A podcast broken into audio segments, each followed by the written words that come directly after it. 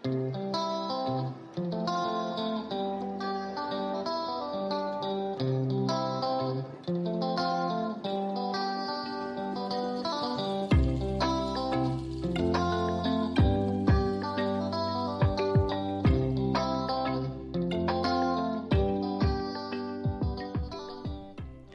lieve mensen, welkom bij de officiële Outway podcast. Deze podcast is de safe space waar we al je LHBT plus verhalen en vraagstukken bespreken. Mijn naam is Leon. En ik ben Joyce. En leuk dat je luistert naar deze allereerste aflevering van de Outway podcast. Hopelijk zijn jullie net zo enthousiast als wij. Uh, om de podcast goed af te trappen gaan we beginnen met het openbare begin van ieders LHBT plus carrière, namelijk de coming out.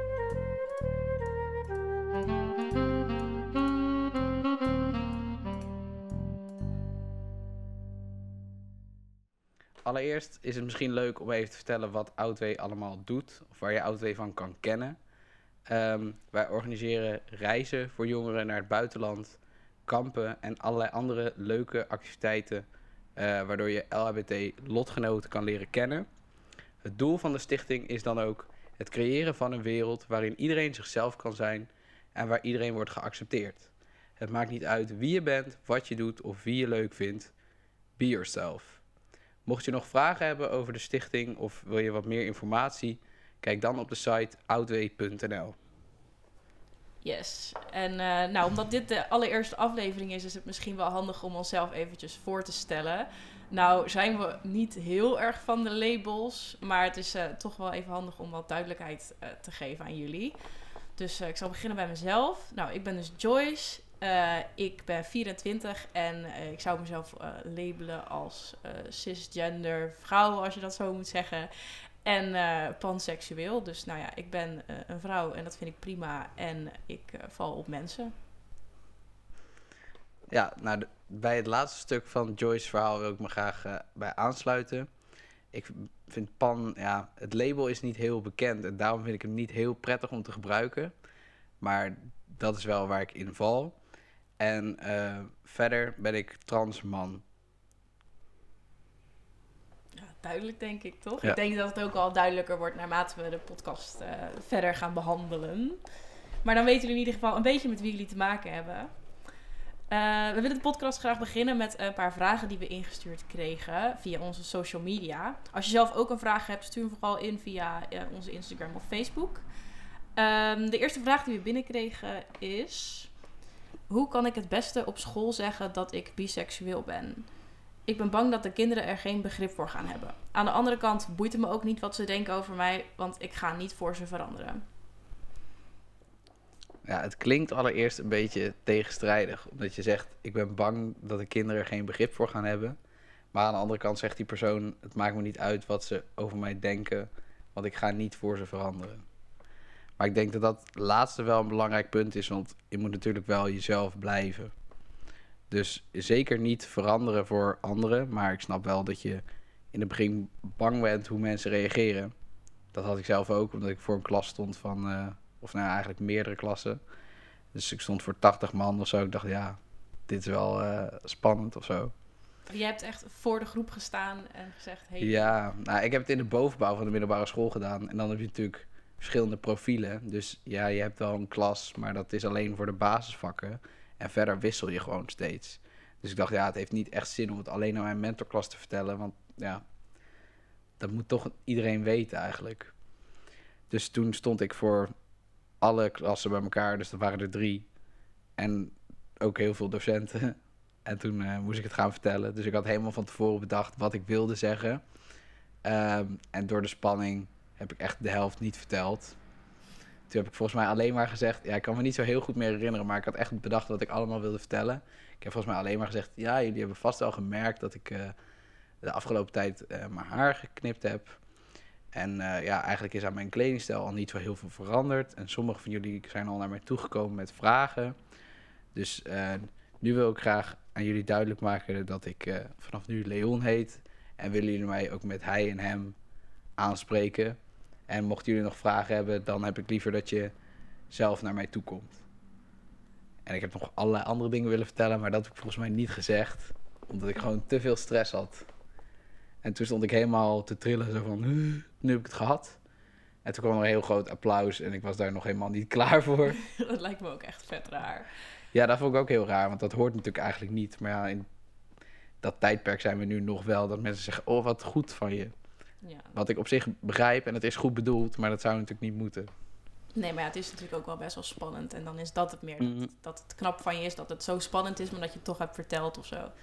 Nou, ik is het belachelijk dat het zo spannend moet zijn, maar ja. ja, dat is nog wel. En hoe waren de reacties daar dan op? Ja, best wel goed eigenlijk. Heel veel kenden mij natuurlijk al zoals ik... Ja, ik ben niet echt veranderd daardoor.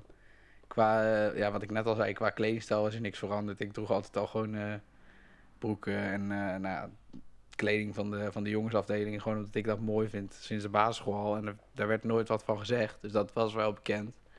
Maar omdat ik op een gegeven moment mijn haar had afgeknipt, waren er wel mensen die dat... Nou, die zag ik gewoon een beetje zo smoezen. En dan durfde ik daar toen nog niks mee. Dus het was misschien wel zo duidelijk. En ja, uh, in mijn uh, klasse werd er niet echt moeilijk over gedaan, gelukkig. Ik zat, echt fijn. Ja, dat is wel heel fijn. Ja, ik zat dan wel op een, uh, een openbare school. Dus dan heb je natuurlijk verschillende geloven door elkaar heen. Uh, dus ja, dat ging niet altijd heel soepel, zullen maar zeggen. Maar de, gelukkig de mensen van mijn klas gingen daar wel goed mee om. Ja, ik denk dat, dat als we dan even terugpakken naar de vraag die zij dan... Of zei hij? Staat er niet in, hè? Nee, dat weten we nee, niet. Dus die deze persoon uh, stelde, dat is eigenlijk ook beter, hè? Ja, ja dat is beter. Sorry, ik doe soms nog automatisch dingen die eigenlijk niet zo uh, heel erg woke zijn. Maar oké. Deze persoon, um, die stelt deze vraag, ja, hoe kan je dat dan het best zeggen? En dat, dat diegene dan bang is dat uh, kinderen er geen begrip voor gaan hebben. Maar ja, mm. je verandert natuurlijk niet als persoon zijnde of zo. Je, je vertelt iets, maar je bent nog steeds dezelfde, hetzelfde mens.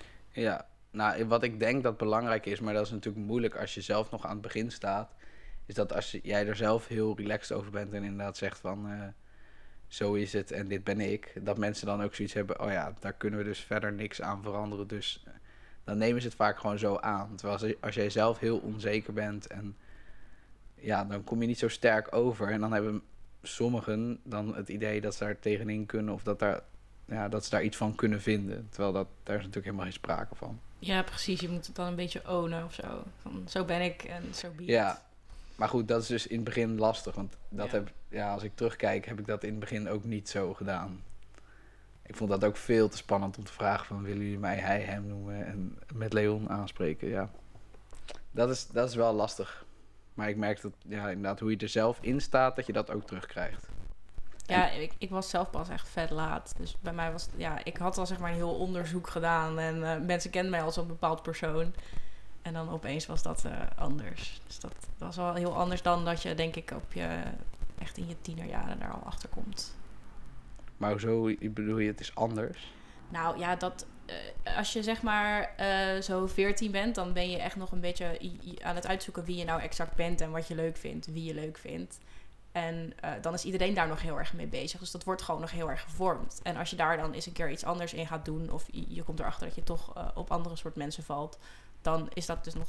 Het is gewoon heel flexibel, zeg maar. En dat is, iedereen is daar nog mee bezig. Dus niemand weet exact, nou, dit ben ik en dit doe ik. Ja, bij mij kwam dat uh, een stukje later. Maar dat is misschien wel relevant om nog even te zeggen. Dat op welke leeftijd was dat? Dus in mijn geval heb ik in de tweede, vanaf de tweede van de middelbare school ging ik al naar het vuur toe. Maar ik heb het pas aan het begin van de zesde gezegd. En halverwege de vijfde mijn haar geknipt bijvoorbeeld. Oh, daar heb je nog best wel lang mee gewacht ja, ik heb er heel lang mee gewacht. Maar ja, dat heb je altijd volgens mij. Want ik heb het ook bijvoorbeeld op mijn elfde tegen mijn ouders gezegd. En op mijn veertiende, of nee, andersom. Op mijn elfde had ik zoiets, oh wacht, zo heet het en dit is een ding. En op mijn veertiende heb ik het pas mijn ouders verteld. Dus er zat ook drie jaar tussen. Ja, waardoor denk je zelf dat dat dan kwam, dat dat zo lang duurde? Of lang? Ja, toch door meningen van anderen, denk ik. Dus nou, wat ik dus wel eens hoorde inderdaad, dat mensen zeiden... ja, wat heb je mooi haar, want ik heb dan krullen. En dan had ik ja, lang haar met krullen. Ja, wat heb je mooie krullen. Uh, die zou ik echt niet afknippen. Of dan zeggen mensen, ja, daar ben ik jaloers op. denk ja, dat is fijn, maar ik heb ze. En liever niet, zeg maar. Dus dat was wel lastig. En ook misschien wel omdat op mijn basisschool en begin van de middelbare school was het eigenlijk niet echt een probleem. Dus Uh, ja, behalve dan waar het opviel was natuurlijk bij gym. Dus ik weet nog, dat kan ik me heel goed herinneren dat op de middelbare school, dan heb je natuurlijk net je nieuwe klas en zo. En dan kwam er een, jongen naar mij toe en die vroeg zich, die kwam echt serieus vragen aan mij, waarom ga je je eigenlijk bij de meisjes omkleden? Want ik had dan wel lang haar, maar omdat ik gewoon dus, ja, me uitte zoals ik gewoon was toen, had hij zoiets, ja, dat is gewoon een jongen met lang haar. Dus ik kwam aan mij vragen waarom ik me daar om ging kleden. En dat was een serieuze vraag. En toen dacht ik, oeh. ja, dus daar begon het een beetje. Terwijl de basisschool, dan waren er gewoon, er was er een feestje bijvoorbeeld van uh, vriendinnetjes van, uit, de, uit de klas. En dan was het een prinsessen slaapfeestje of zo, ik noem maar wat. En dan uh, zeiden ze altijd al tegen mij van, nou kreeg ik dan ook een uitnodiging. Ja, jij mag wel in je voetbalkleren komen. Er werd al meteen gezegd, zeg maar, dat ze al zoiets hadden van, oh, en dat is Leon dan. Dus dat, wat, ja, ik denk misschien ook daardoor dat het dus eigenlijk nooit een probleem was dat ik gewoon deed wat ik wilde doen. En pas toen mij op een gegeven moment duidelijk werd, oh wacht, hier trekken mensen toch een soort lijn, toen begon ik me niet zo heel prettig te voelen. Ja, dan moet je kiezen of zo. Ja, ik denk het. Of bij gym dan doet de docent heel, uh, ja, zonder nadenken natuurlijk, maar uh, ja, jongens tegen de meisjes. Oh. En dan denk ik, ja, kut, ik wil eigenlijk aan die andere kant gaan staan. En uh, ja, dat ging dan niet. Of ook wel eens, dat zei hij ook een keer. Toen dacht ik, hmm, nu zit je wel op het randje. Zei, iedereen die zich een jongetje voelt, gaat aan die kant staan. En iedereen zich een meisje voelt, gaat aan die kant. En toen had ik echt de behoefte om naar die andere kant te lopen. Maar ik dacht, ja, shit, iedereen kijkt nu. Dat is dan wel echt een ding of zo. Ja. Hm. Dus, ja, dat denk ik. Maar misschien om terug te komen naar die vraag. Um, wat ook een optie is, is om te kijken of met een mentor te bespreken of kijken of er een GSA is op school. En dan, dat laat al een beetje de, de sfeer merken, zeg maar. Dus als er helemaal geen GSA is of er is, uh, ja, dan heb je misschien, ik wil niet zeggen meer reden, maar dan is het misschien handig om eerst met een docent te praten en kijken hoe je denkt dat de klas erop gaat reageren. En dat misschien van tevoren bespreken, van dat je dat in een mentoruur vertelt en dat een docent daarbij zit. Ja, dan kan je ook het onderwerp een beetje subtiel introduceren, zeg maar, met iets van een film die je dan kan kijken met de klas. Of dat je er het een keer over kan hebben zonder dat het dan direct over jou gaat. Ja, dat is ook wel een hele goede inderdaad. Dat het gewoon wel bespreekbaar is. En dat uh, de klasgenoten dan ook een andere associatie erbij hebben. Gewoon een, ja, een goed beeld, algemeen, zeg maar. Ja, want soms, soms is het ook gewoon een beetje onwetendheid. Dat mensen gewoon niet weten wat je nou eigenlijk aan het vertellen bent. Uh, wat biseksueel inhoudt. Dat ze nog nooit van eerder van hebben gehoord of zo. Ik kan me bijna niet voorstellen, maar uh, nee, ja, precies. Is wel zo. Maar daarom is de leeftijd relevant, denk ik. Nou, ik ben blij dat ik het niet op de middelbare school al hoefde te ja. doen. Want hoe oud was je? Uh, echt 19 of zo. Oh ja. Ja, dus dan zat je niet meer... Ja. Vervolgopleiding nee, was dat. Maar bij mij op de middelbare school bijvoorbeeld, er, was gewoon, er, was, er werd nooit over gepraat. Er was niemand die, zich, die daarvoor open voor uitkwam. In ieder geval niet dat ik wist. Dus het was echt ja, ik was er ook nooit echt mee in aanraking gekomen. Dus vandaar dat ik er ook zo laat pas achter kwam dat het een ding was. Dat je niet per se als meisje zijn alleen maar met jongetjes hoeft te daten. Maar ja, ach, ik ben blij dat ik het nu weet. Uh, zullen we naar de volgende vraag gaan? Ja. Hebben we het net al wel een beetje over gehad. Maar de volgende vraag die we binnenkregen is: uh, wat is de beste manier om uit de kast te komen? Ja, ja, dat, nou, dat die is er niet. Uh, nee, precies. ik zou de vraag anders formuleren. Ik zou de vraag formuleren: uh, wat is voor mij de meest passende manier om uit de kast te komen? Maar goed, nou kennen wij natuurlijk niet iedereen die dat specifiek gaat doen. Dus die keuze zou je wel zelf moeten maken. Maar uh, ja, je kan natuurlijk. Wat ik zelf heel prettig vond, is om een brief te schrijven. Omdat ik zoiets had, ja, dan kan ik alles vertellen wat ik wil vertellen. En dan weet ik zeker dat ik uh, niet bijvoorbeeld op een bepaald moment niet uit mijn woorden kan komen en daardoor iets niet vertel. Wat ik voor de klas dus had. Ja, of je kan inderdaad, er staan ook zelfs filmpjes op YouTube die je aan je ouders zou kunnen laten zien. Ja, er is een hele leuke. Wacht, die ga ik even opzoeken en die zet ik dan in de show notes. Ik vind het een hele leuke uh, video. Het is een soort happy liedje, zeg maar, wat je naar je vrienden kan sturen en je familie. Ja. Het is gewoon een leuke manier om het wat luchtiger te maken. Dat is wel een goeie. Ja, precies. Dus dan hoef je zelf ook niet zoveel te vertellen. Sommige mensen ken ik ook wel, die hebben het dan met een liedje gedaan wat voor hun passend was. En dat aan hun ouders of bekenden laten horen. En dan, nou, wat vind je ervan? En dan vertelt hoe dat, uh, op hun betrekking heeft. Ja, dat kan. Wat, ja, ik weet niet, wat heb je zelf gedaan? Wat ik? Hoe heb je, ja, heb je het verteld of heb je het ook opgeschreven?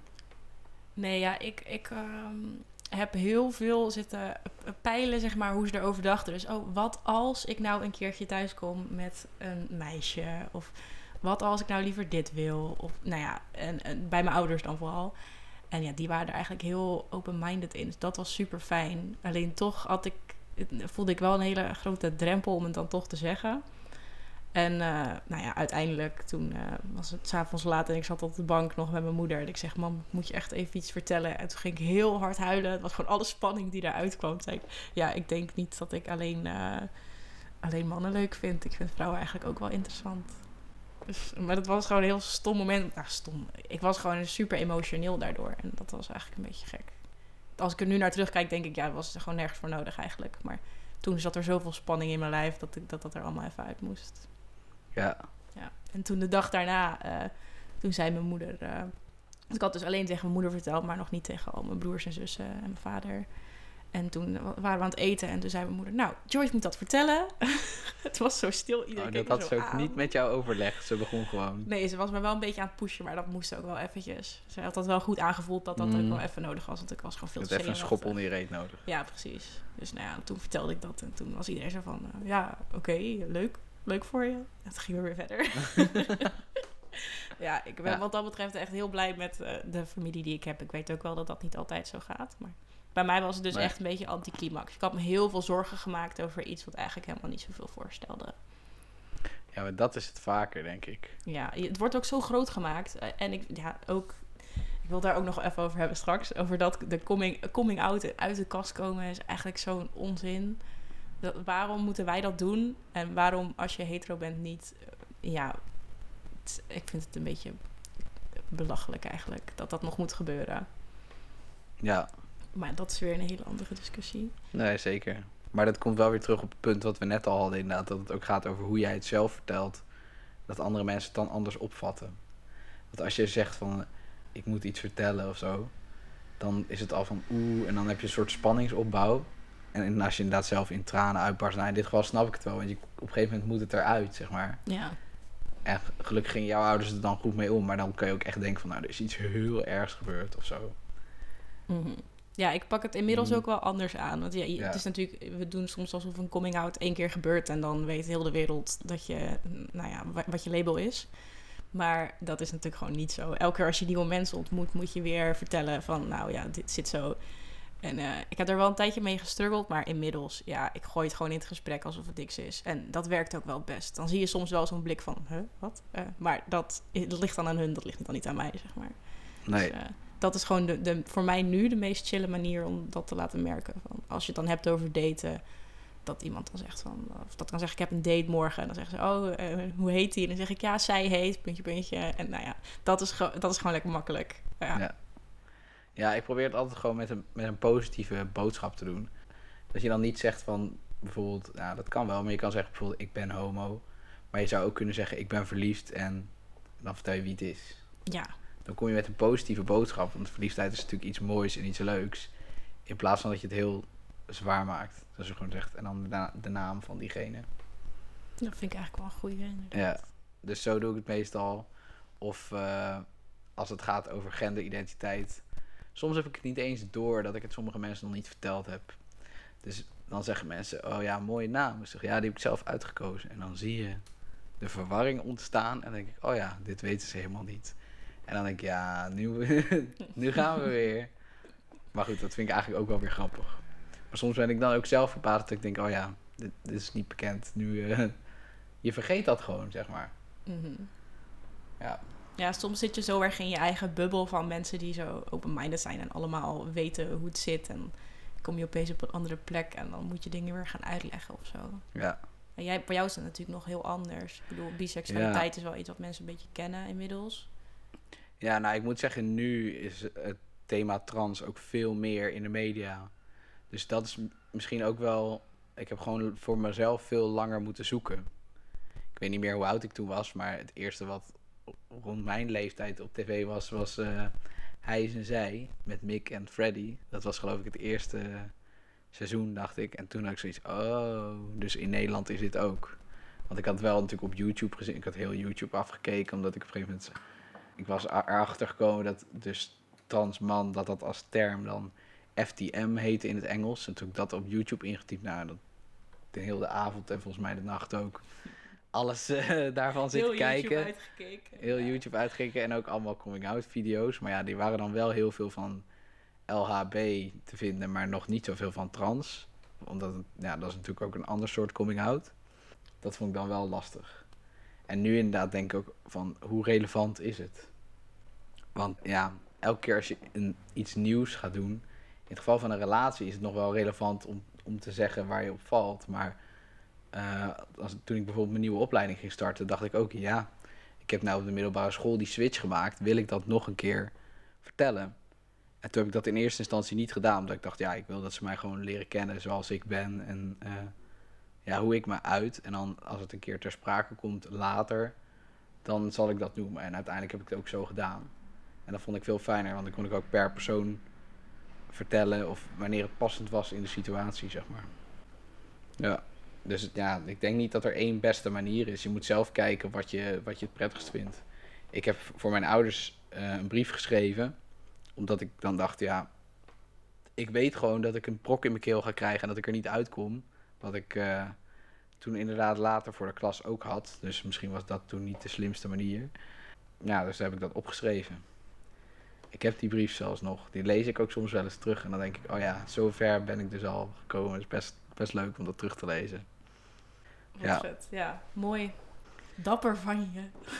Ja, dat krijg je dan wel vaak. En dan zeg ik wel heel netjes, ja, dank je wel. En dan probeer ik toch uit te leggen van, ja... Een beetje ongemakkelijk. Ja, precies. Dan, ja, mensen bedoelen het goed, maar het is niet altijd zo handig uh, uitgedrukt. Maar we kunnen misschien even nog terughaken op uh, wat jij net zei. Over dat je vond dat coming out, dat het eigenlijk gek is dat wij dat moeten doen. Daar wilde je nog even op terugkomen. Ik weet niet exact meer wat ik daarover wil zeggen. Nou, dat het eigenlijk raar is uh, dat wij een coming out moeten doen. Of nou ja, moeten doen is een groot woord, maar de maatschappij verwacht dat wij aan hun duidelijk vertellen in welk hokje we passen.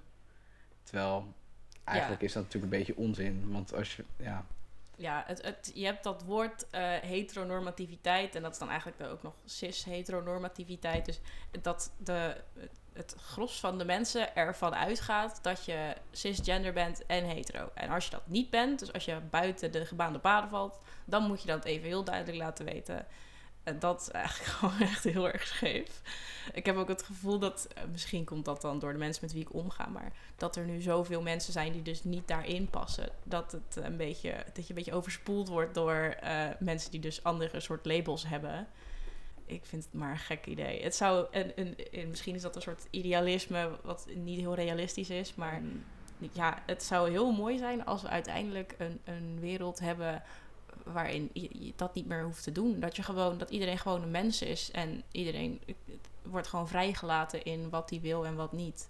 En in sommige situaties, als je aan het daten bent of zo, is het misschien wel handig om je voorkeuren aan te geven. Maar dat je niet overal waar je komt dan dat label op tafel hoeft te gooien. Ja, maar, dat, ja, dat sluit ook denk ik aan bij het doel van AO2. Het creëren van een wereld waarin iedereen zichzelf kan zijn en wordt geaccepteerd. Ja. Het is natuurlijk fijn als die wereld er eenmaal is. Dan is oud niet meer zo nodig. Dan is het alleen een manier om lotgenoten te leren kennen. En als je ervaringen uit wil wisselen. Maar niet zozeer uh, omdat je je niet op je plek voelt. Tenminste, dat hopen we dan. Ja, ja dat, dat, dat is inderdaad het, het grote doel. Ja. Om ooit onnodig te worden. Eigenlijk wel. Ja, dat vind ik wel mooi. En tot die tijd blijven we lekker podcast maken. Ja, tot die tijd blijven we iedereen uh, uitleggen en uh, vragen beantwoorden. En ja, openheid helpt ook een heel stuk, denk ik. Want mensen bedoelen het vaak goed, maar drukken het gewoon niet zo handig uit. Klopt, ja. Ik denk ook wel. Veel mensen staan er ook wel voor open als je eenmaal het gesprek aangaat. Ja, onwetendheid is het vaak, hè? Dus uh, daar zijn wij voor om uh, te vertellen hoe het allemaal zit. Nee, maar meer onze visie te delen. Ik denk dat wij dat delen onze ervaringen, ja. ja. Er, zijn, er is niet echt één goed antwoord op een vraag. En de een vindt sommige dingen wel prettig en de ander juist niet. Dus uh, ik uh, geef zelf vaak, zolang de vragen normaal gesteld zijn, geef ik eigenlijk altijd wel antwoord. En andere mensen hebben zoiets, ja, bekijk maar. Je hebt ook Google, dus zoek het zelf maar even op. Dus ja, dat snap ik ook wel. Dat is net hoe je erin staat. Ja, het is ook maar net wat voor dag je hebt, denk ik.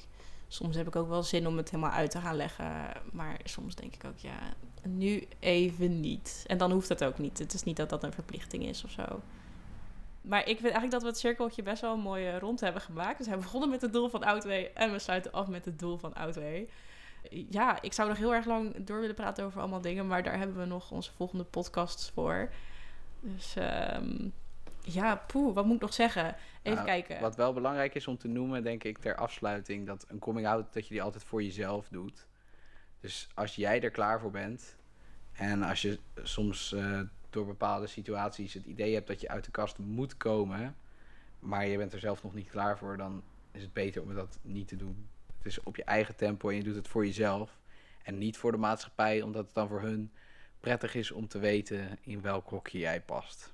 Leon voor president. Goed gezegd, jongen. Goed gezegd. Oké. Eh, nou, hebben jullie zelf nou nog een, uh, een leuk idee voor de podcast of een vraag die jullie graag aan ons willen stellen? Dan kan dat. Leuk. Graag zelfs. Uh, stuur dan even een berichtje via onze Instagram of Facebook. dat vinden we heel erg leuk. En daar zijn we te vinden als Stichting Outway. Nou, wil je nog iets zeggen? Wat zijn je laatste woorden? Tot de volgende keer. Tot de volgende keer. Joe, joe.